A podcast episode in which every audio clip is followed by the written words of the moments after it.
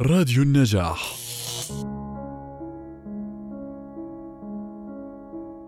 صنوان جيمس جويس من عام 1882 إلى عام 1941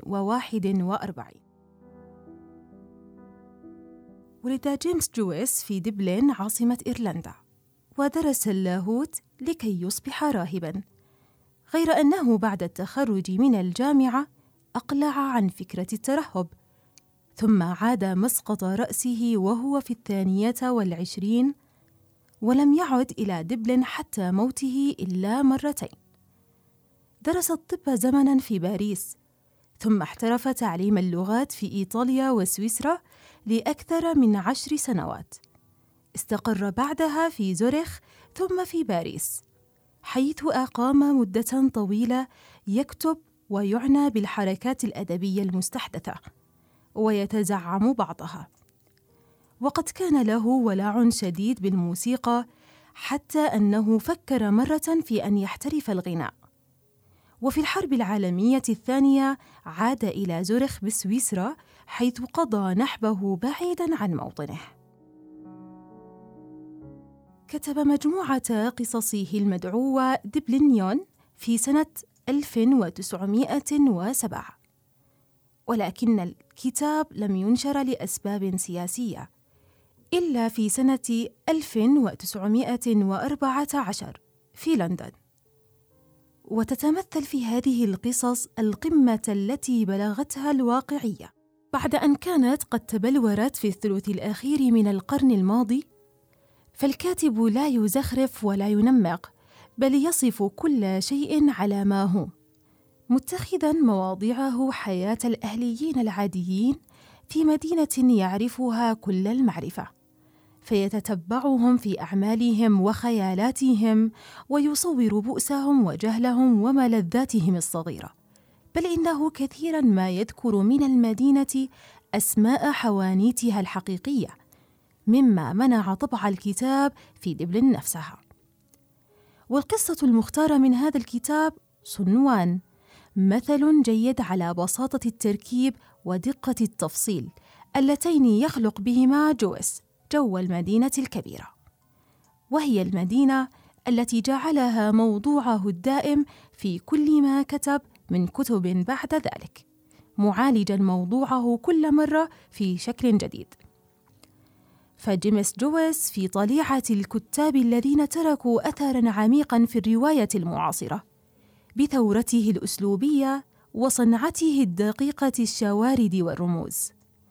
وروايته ليوسيز عام 1922 التي قضى سنوات عديدة في تأليفها، والتي واجه عنة كبيرًا في نشرها في باريس وحضرت لندن نشرها مدة طويلة. ما زالت تعتبر المؤسسة الأولى والأهم للرواية الحديثة، وبخاصة في استخدامها تيار الوعي الذي أصبح فيما بعد من أبرز تقنيات الرواية في هذا القرن. روايته الأولى التي تلت دبلينيون وسبقت يوليسيز هي صورة الفنان في شبابه عام 1916 وفيها يستعرض الفورة التي عرفها في صباه ويتتبع نموه الفكري في تربة من الإيمان والشك والاستقرار والجموح المتعاقبين مع حوار كثير يدور حول المسائل الفلسفية التي تقلقه. ولا سيما الجمال والخطيئة ويجعل من بطله صورة للشباب الذي يستفيق فيتخبط في يم زاخر من المعرفة والحقائق المتضاربة. بدلا من أن يجعله ينتقل من مغامرة إلى أخرى كما في معظم الروايات السائدة. وفي قصته صنوان نجد بداية للجو والاتجاهات التي بلغت بجويس في النهاية إلى إبداع شخصيتيه المشهورتين بلوم وستيفن ديداليس. بطلي يوليسيس. عندما دق الجرس بعنف ذهبت الآنسة باركر إلى أنبوب الصوت وإذا صوت غاضب يصرخ بلهجة أهل شمال إيرلندا. أرسلي فارنكتون إلي. فعادت الآنسة باركر إلى آلهتها وقالت لرجل يكتب على إحدى المناضد المستر آلن يطلب منك أن تذهب إليه. فتمتم الرجل بصوت خافت لعنة الله عليه ودفع كرسيه إلى الوراء ليقوم. وهو إذا وقف طويل القامة ضخم الجسم. له وجه تتدلى جوانبه في لون كلون الخمر القاتمة أشقر الحاجبين والشارب وعيناه جاحظتان قليلا وبياضهما قذر. فرفع العارض التي تفصل الكتب عن الزبائن. ومر من بين الزبائن وخرج من المكتب ثقيل الخطى. صعد الدرج متثاقلا إلى أن وصل إلى الطابق الثاني حيث كان باب يحمل لوحة نحاس صغيرة مكتوبا عليها مستر ألين. فتريث قليلا وهو يلهث تعبا وحنقا. ثم قرع الباب فصاح الصوت الحاد. ادخل. وحالما دخل الرجل غرفة المستر ألين. رفع رجل صغير الجسم رأسه فوق كومة من الصكوك والأوراق. وهو يلبس نظارات لها حواف ذهبية على وجه حليق. أما رأسه فشديد الحمرة منعدم الشعر. يبدو كأنه بيضة كبيرة مستقرة على الأوراق. ولم يضيع المستر ألين لحظة من الوقت. فقال فارنكتون ما معنى هذا؟ لماذا تريدني أن أشكو منك دائما؟ أتسمح فتقول لي لماذا لم تكتب نسخة من العقد بين بودلي وكروان؟ ألم أقل أن عليك أن تحضر هذه النسخة قبل الساعة الرابعة. ولكن يا سيدي المستر تشيلي قال يا سيدي المستر تشيلي قال من فضلك. انتبه إلى ما أقوله أنا. لا إلى ما يقوله المستر تشيلي. يا سيدي فإن لديك دائما عذرا لتملصك من العمل. اسمع يا فارنكتون إذا لم تتم نسخ العقد قبل آخر النهار فسوف احرض الأمر على المستر كروسبي. أتسمعني الآن؟ آه نعم يا سيدي. أتسمعني الآن؟ نعم. ومسألة أخرى. فالكلام إليك كالكلام إلى حائط. فلأقل لك لآخر مرة. أن عليك أن تأخذ نصف ساعة فقط للغداء لا ساعة ونصف. فكم صنفا من الأطعمة تأكل في غدائك من فضلك؟ أفاهم ما أقول الآن؟ نعم نعم سيدي. ثم انحنى المستر ألين برأسه فوق كومة أوراقه. فأمعن الرجل النظر في تلك الجمجمة المصقولة التي تدير أعمال شركة كروسبي وألين وهو يخمن مقدار قابليتها للتحطيم. وأمسكت بحنجرته نوبة من الغضب الهائج لبضع ثوان. ثم زالت عنه تاركة وراءها شعورا حادا بالعطش. وأدرك الرجل معنى ذلك الشعور. وأحس بأن لا بد له تلك الليلة من أن يسرف في الشرب.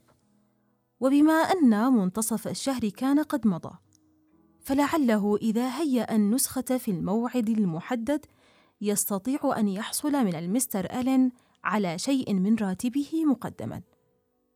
ووقف جامدا في مكانه يحدق النظر بالرأس المنحني فوق كومة الأوراق. وإذا المستر ألين فجأة يرفع عالي الأوراق سافلها باحثا عن شيء ما وكأنه لم يكن شاعرا بوقوف الرجل أمامه حتى تلك اللحظة.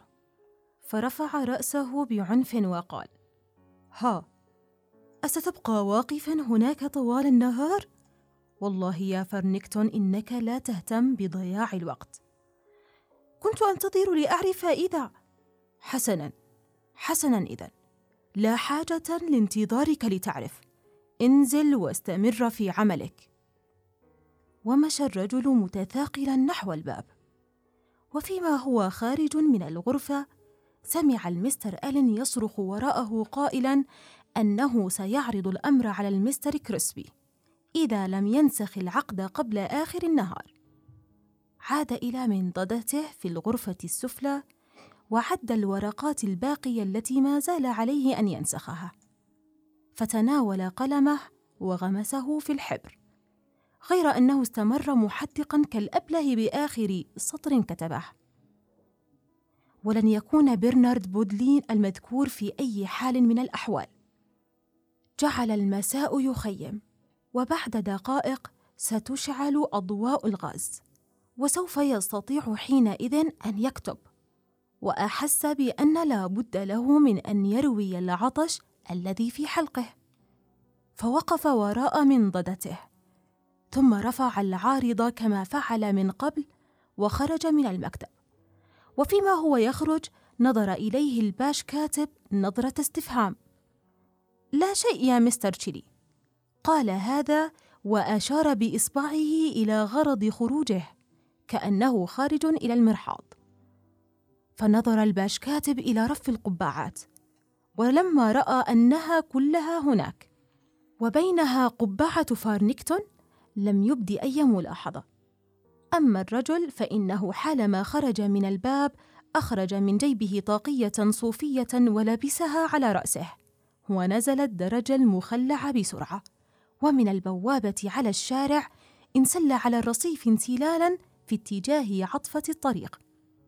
ثم دخل بوابة أخرى بسرعة البرق وإذا هو في حانة أونيل المعتمة حيث يشعر أن لا خوف عليه الآن.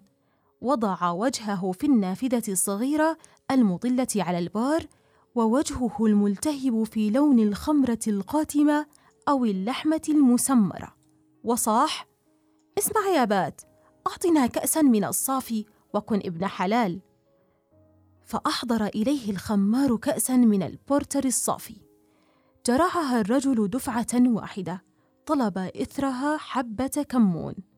وعندها وضع بنسا على القاطع وتراجع من الحانة المريحة منسلا كما دخل. تاركا الخمار وراءه يبحث عن قطعة البنس في الظلام. كان الظلام يرافقه ضباب كثيف ويدحر غسق شباط. وقد أشعلت أنوار شوارع يوسيتس. ومشى الرجل لصق الحائط إلى أن بلغ الباب المكتب وهو يتساءل إن كان في مقدوره أن يهيئ نسخته في الوقت المعين. وفيما هو صاعد الدرج استقبلت أنفه رائحة عطر حاد. فقال لنفسه يظهر أن الآنسة دلاكور أتت في أثناء ذهابي إلى حانة أونيل. ثم دس طاقيته في جيبه وعاد إلى مكتبه متظاهرا بالذهول. فسأله الباش كاتب بخشونة أين كنت؟ لقد طلبك المستر ألين. فنظر الرجل إلى الزبونين الواقفين خلف القاطع كأنه يلمح بأن وجودهما على مسمع منه يمنعه من الإجابة. ولكن بما أنهما كانا من الذكور سمح الباشكات بنفسه بالضحك قائلا إنني أعرف هذه اللعبة ولكن ألا تظن أن خمس مرات في النهار أكثر مما؟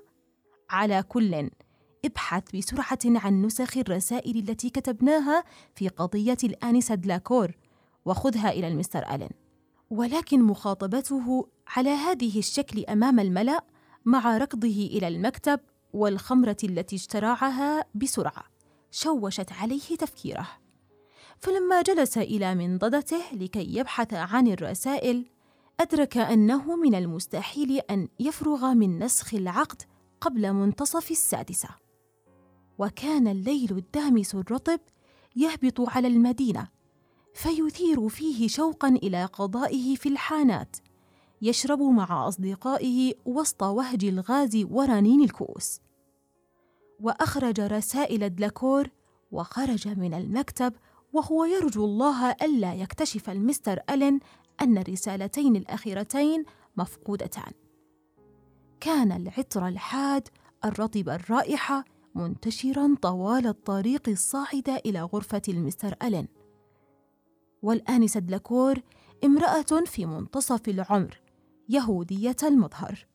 وكان يقول أن المستر ألين يتودد إليها أو إلى مالها.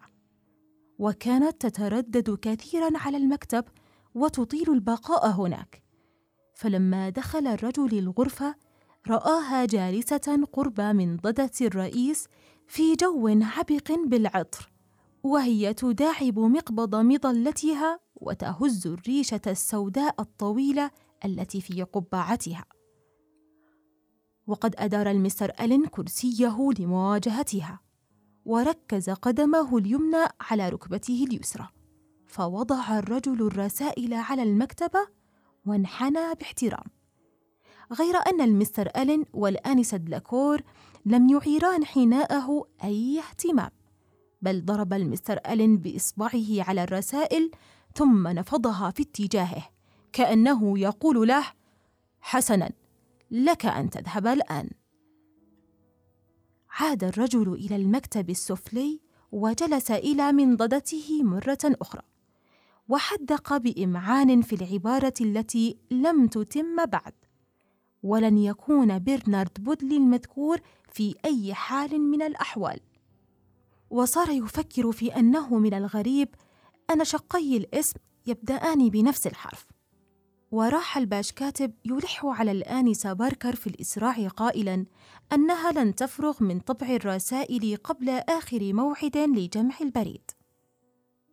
فأصغى الرجل إلى طقطقة الآلة الكاتبة لبضع دقائق ثم عاد إلى نسخته عازما على إتمامها غير أن رأسه جعلت تعتريه سكرة خفيفة. وشرد ذهنه إلى وهج الحانة وضوضائها. لقد كانت ليلة لا تليق بها إلا أشربة البنش الساخنة. وأخذ يكافح في نسخه غير أنه عندما دقت الساعة الخامسة كان ما زال عليه أن يكتب أربع عشرة صفحة. فود لو يستطيع أن يشتم بصوت عال أو أن ينزل قبضته بحدة على شيء ما. ولشدة غضبه كتب برنارد برنارد عوضا عن برنارد بودلي فاضطر إلى البدء ثانية على صفحة جديدة. وشعر حينئذ بأنه من القوة بحيث يستطيع أن يخرج كل من في المكتب بنفسه. وعرت جسمه شهوة في أن يفعل شيئا ما كأن يندفع إلى الخارج ويعربد في عمل عنيف. وتذكر كل الإهانات والمصاعب التي عاناها في حياته فزادت في غضبه. أيستطيع أن يطلب سلفة من راتبه من المحاسب؟ كلا لأن المحاسب رجل دنيء رجل خسيس ولن يعطيه سلفة. إنه لا يعرف أين سيلتقي بخلانه. ليونارد وأوهالوران ونوزي فلين. وأن باروميتر عواطفه ليدل على أن عليه الليلة أن يشرب ويتمتع. وكانت خيالاته قد أذهلته عما هو فيه أنه نودي مرتين قبل أن يجيب. وإذا المستر ألين والانسه دلاكور واقفان خارج القاطع والكتبة كلهم ملتفتون يتوقعون امرا. ولم يكد الرجل أن يقوم عن منضدته حتى بادره المستر ألين بقذيفة من الشتائم. قائلا أن هناك رسالتين مفقودتين. فأجاب الرجل بأنه لا يعرف عنهما شيئا وأنه كان قد نسخ الرسائل كلها طبق الأصل. واستمرت قذائف الشتم في الانطلاق وكلها قذع ومرارة. حتى لم يستطع الرجل منع القبضة من السقوط على رأس الدمية الكبيرة التي أمامه. قائلا بحماقة لست أعرف شيئا عن أي رسالتين مفقودتين. فقال المستر ألين لست تعرف شيئا لا شك أنك لست تعرف شيئا. ثم أردف وقد نظر أولا إلى السيدة كأنه ينتظر استحسانها لما يقول أخبرني أتظن أنني مجنون؟ أتظن أنني مجنون بالمرة؟ فألقى الرجل نظرة على وجه السيدة ثم على الرأس الصغير الشبيه بالبيضة ثم عاد فنظر إلى السيدة وإذا بلسانه قبل أن يعي هو بذلك قد وفق إلى قول شاف هل من العدل يا سيدي أن تسألني سؤالا مثل هذا فاندهش الكتبه حتى وقف النفس في صدورهم لحظة ولم يكن صاحب النكتة أقل منهم دهشة. وحتى أن الآنسة دلاكور وهي امرأة بدينة لطيفة المعشر جعلت تبتسم ابتسامة عريضة. واحمر وجه المستر ألين إلى أن غدا في لون الشقائق. وأخذت شفتاه تنقبضان بفعل غضبة القزم التي تملكته. فهز قبضته في وجه الرجل حتى صارت ترتعش كأنها مقبض آلة كهربائية. قائلا أيها الوغد الوقح أيها الوغد الوقح سأعاملك حسب ما تستحق. انتظر حتى أريك إما أن تعتذر عن وقاحتك وإما أن تغادر المكتب الآن. والله لتغادرن المكتب أو تعتذر.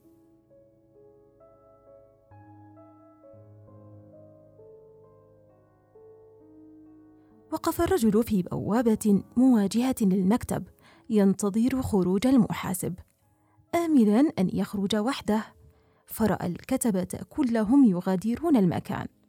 وفي النهاية خرج المحاسب بصحبة الباش كاتب وكان من العبث أن يطلب منه شيئا ما دام الباش كاتب معه فشعر أن حالته يرثى لها. فقد اضطر إلى الاعتذار إلى المستر ألين عن وقاحته بشكل مهين.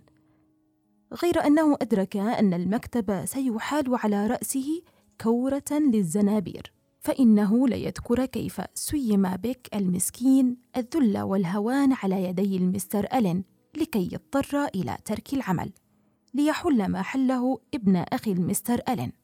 فشعر بالوحشة والظمأ والرغبة في الانتقام تملأ عروقه. وشعر بكره لنفسه وللناس أجمع لن يمنحه المستر ألين ساعة يرتاح فيها لسوف تكون حياته جحيما يتلظى فيه. لقد تصرف تصرف الأحمق هذه المرة أو لم يستطع أن يحفظ لسانه في فمه. ولكن كلا من المستر ألين وصاحبنا لم يستطع أن يساير الآخر منذ البداية منذ اليوم الذي سمعه فيه المستر ألين يقلد لهجته لهجة شمالي إيرلندا ليضحك هيجنر والآنسة باركر. لقد كانت تلك فاتحة هذا الكره بينهما. لعله يحصل على شيء من النقود إذا طلب قرضا من هيجنر. ولكن لا ريب أن هيجنر لا يملك شروى نقيرة لنفسه. وكيف يستطيع أن يقرضه درهما وله غير بيته وبيت آخر لخليلته ينفق عليه؟ شعر بألم يطغي على جسمه الضخم. حنينا إلى الراحة التي يجدها في الحانة. ولما بدأ الضباب يرسل في فرائضه قشعريرة البرد تساءل إن كان بات في حانة أونيل سيسقيه دينا. ولكنه لم يدينه بأكثر من شلن واحد. وما نفع الشلن الواحد؟ غير أن عليه أن يحصل على شيء من النقود مهما يكن الأمر. لقد أنفق آخر درهم كان معه. وعما قريب ستستحيل عليه الاستدانة من أحد. وفيما هو يعبث بأصابعه بسلسلة ساعته خطر في باله فجأة أن يرهنها في دكان تيري كيلي في شارع فليت ستريت. ما أحسنها من فكرة؟ لم لم يفكر بها من قبل. أسرع الخطى في زقاق تمبل بار الضيق. متمتما لنفسه أن قبحهم الله أجمعين لأنه سيقضي الآن ليلة شرب ومتعة. قال الكاتب في دكان تريكلي خمسة شلنات. ولكن أخذ الرهائن عرض عليه ستة وكان في النهاية أن استلم الرجل في يديه ستة شلنات حقا. فخرج من الدكان فرحا وقد رتب الشلنات بين إبهامه وسبابته في شكل اسطوانة صغيرة. وكانت الأرصفة في شارع ويستمورلاند مكتظة بالشباب والفتيات العائدين من أشغالهم. وقد انبث الصبية بثيابهم الممزقة هنا وهناك يصرخون بأسماء جرائد المساء. فمر الرجل بين الجماهير ناظرا بارتياح وكبرياء إلى مشهد الناس. متطلعا إلى فتيات المكاتب كأنه رئيس مكتب. وكان رأسه مفعما بأصوات أجراس الترام وضجيج العربات. وقد طفق أنفه يشتم بخار البنش يتصاعد متلويا فوق الكؤوس. وفي أثناء مشيه بدأ يهيئ العبارات التي سيقص بها حادثة اليوم لصحبه عندها كان كل ما فعلت أن نظرت إليه بكل برود كما لا يخفي ونظرت إليها ثم عدت فنظرت إليه بكل بطء. كما لا يخفى. وقلت هل من العدل أن تسألني سؤالا مثل هذا؟ كان نوزي فلين جالسا في زاويته المعهودة في حانة ديفي بيرن. ولما سمع القصة طلب لفارنكتون كأسا على حسابه قائلا أنها من أحسن ما سمع من النوادر. فطلب له فارنكتون كأسا على حسابه هو وبعد برهة جاء أوهالوران وليونارد وأعاد الرجل قصته فطلب أوهالوران مشروبا من الجعة الساخنة للجميع. وراح يقص حكاية الجواب الذي أجابه به الباش كاتب عندما كان يشتغل في شركة كلانيز ولكنه أقر بأن جوابه لم يكن شافيا كجواب فارنكتون. وهنا طلب فارنكتون من الصحب أن يشربوا ما في كؤوسهم لأنه سيطلب لهم مشروبا آخر على حسابه. وفيما هم يسمون ما يريدون من مشروب دخل عليهم هيجنر زميل فارنكتون في المكتب وكان عليه بالطبع أن ينضم إليهم. فطلب منه الباقون أن يسرد قصة الحادث كما رآها هو.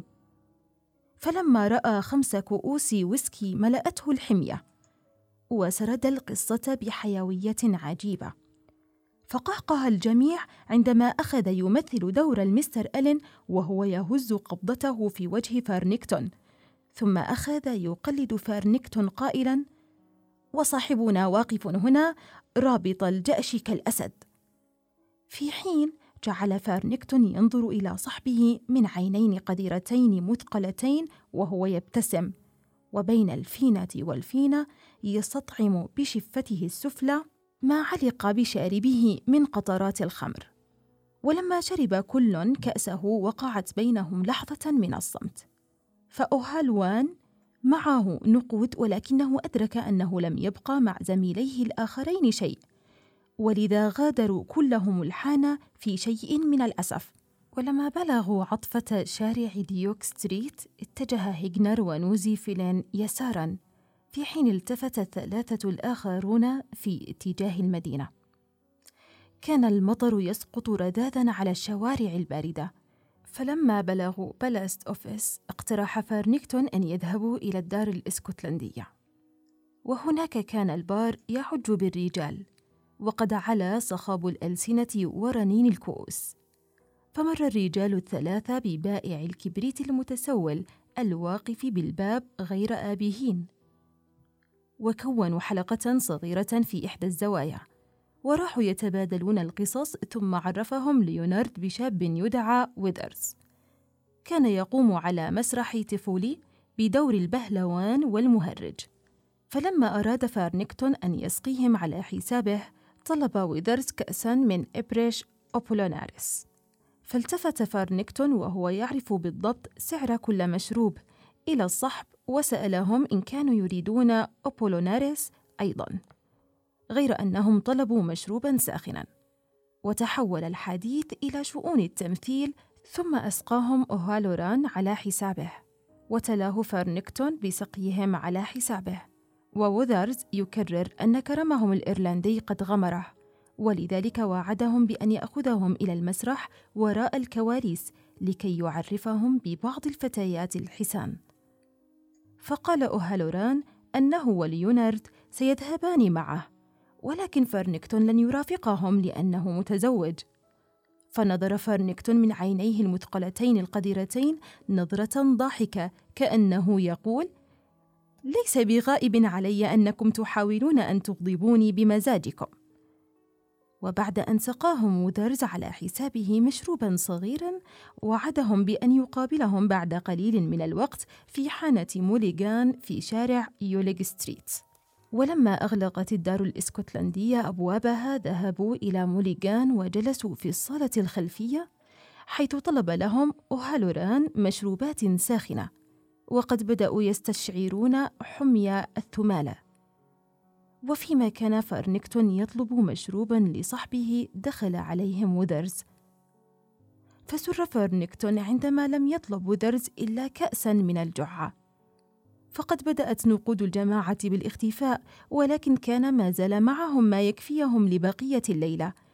حينئذ دخلت فتاتان كلتاهما لابسة قبعة كبيرة يصحبهما شاب مرتديا بدلة مربعات.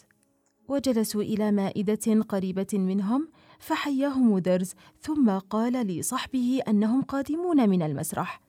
فجعلت عينا فارنكتون تشردان كل لحظة في اتجاه إحدى الغادتين إذ كان في مظهرها شيء يلفت النظر.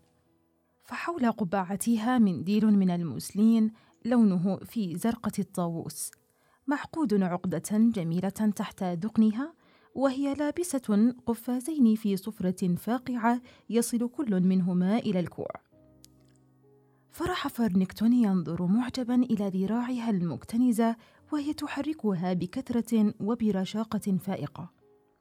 ولما بادلته نظرة بنظرة ازداد إعجابا بعينيها العسليتين الواسعتين وسحرته بنظراتها المعبرة وإن تكن تشيح بوجهها بلطف عنه. وقد نظرت إليه مرة أو مرتين وعندما خرجت مع صديقيها مرت به ماسة كرسيه بجسمها. فقالت بلهجة لندنية آه عفوك. فبات يرقبها وهي ذاهبة نحو الباب آملا في أنها ستنظر خلفها إليه. إلا أنه باء بالخيبة. فلعن فراغ جيبه ولعن كل المشروبات التي قدمها على حسابه.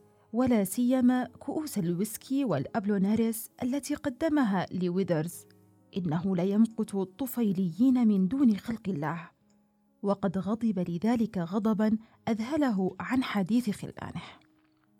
ولما ناداه ليونارد باسمه وجد أنهم يتحدثون عن خوارق القوة العضلية. وقد راح ويذرز وهو إنجليزي يبرز عضل ذراعه مفاخرا الجماعة. إلى أن اضطر الاثنان الآخران إلى حث فارنكتون على التحدي لكي يرفع من شرف إيرلندا.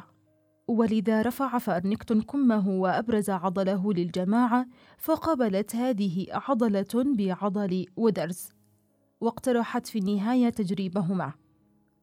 فأخريت المادة مما عليها وأركز كلا الرجلين كوعه عليها وقد أمسكت يده بيد الآخر.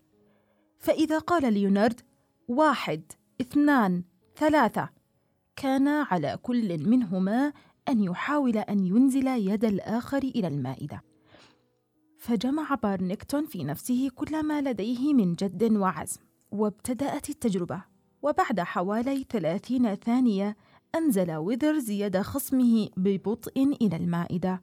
فازداد احمرار وجه فارنكتون ذي لون الخمرة القاتمة لما أصابه من غضب وتحقير عندما غلبه ذلك الشاب الصغير. فقال لا يحق لك أن تدفع يدك بثقل جسمك العب حسب الأصول. فأجاب الآخر ألم ألعب حسب الأصول؟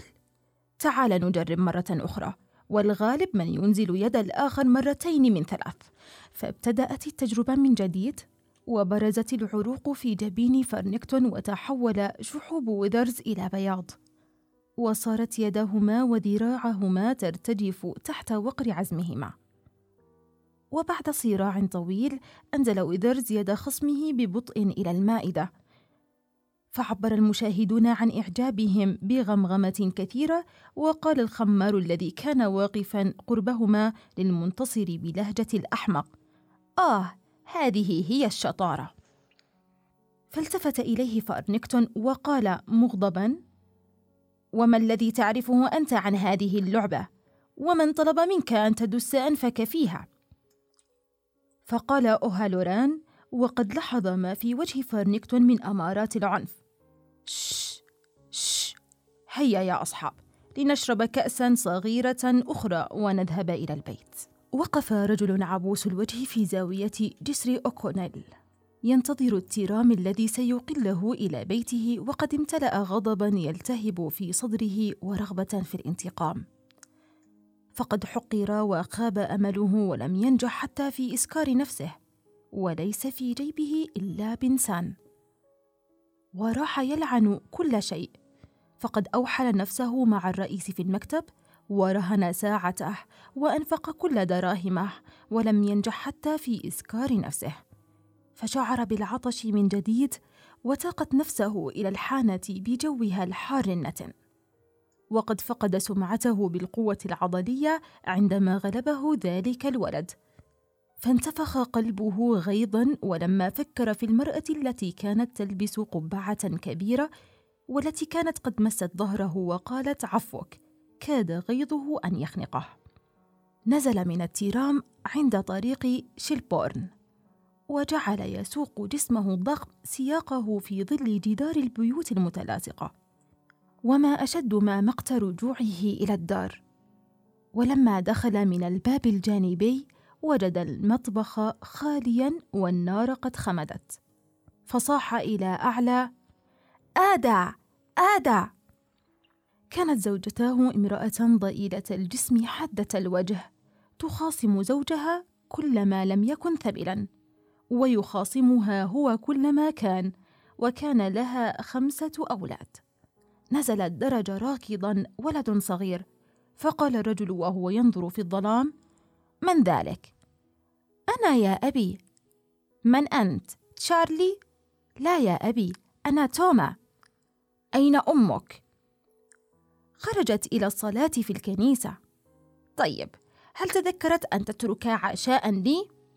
أشعل القنديل لماذا تركت المكان في ظلام دامس؟ هل نام أخوتك كلهم؟ وإذ أشعل الولد القنديل ارتمى الرجل ثقيلا على أحد الكراسي. وأخذ يقلد لهجة ابنه قائلا كأنه يحدث نفسه.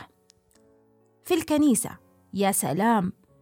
ولما اتقد القنديل خبط بقبضتيه على الطاولة وصاح ما العشاء؟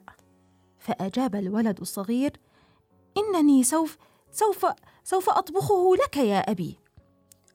فقفز الرجل هائجا عن كرسيه وأشار إلى النار قائلا على تلك النار؟ هل سمحت للنار بأن تنطفئ؟ والله لأعلمنك كيف تفعل ذلك مرة أخرى. وخطى نحو الباب وأخذ عصا المشي المرتكزه وراءه. ثم قال وهو يرفع كمه لكي يعطي ذراعه مجالا واسعا للحركة. والله لأعلمنك كيف تسمح للنار بأن تنطفئ. آه يا أبي وراح يركض مرتجفا حول المائدة إلا أن الرجل لحق به وقبض عليه من معطفه.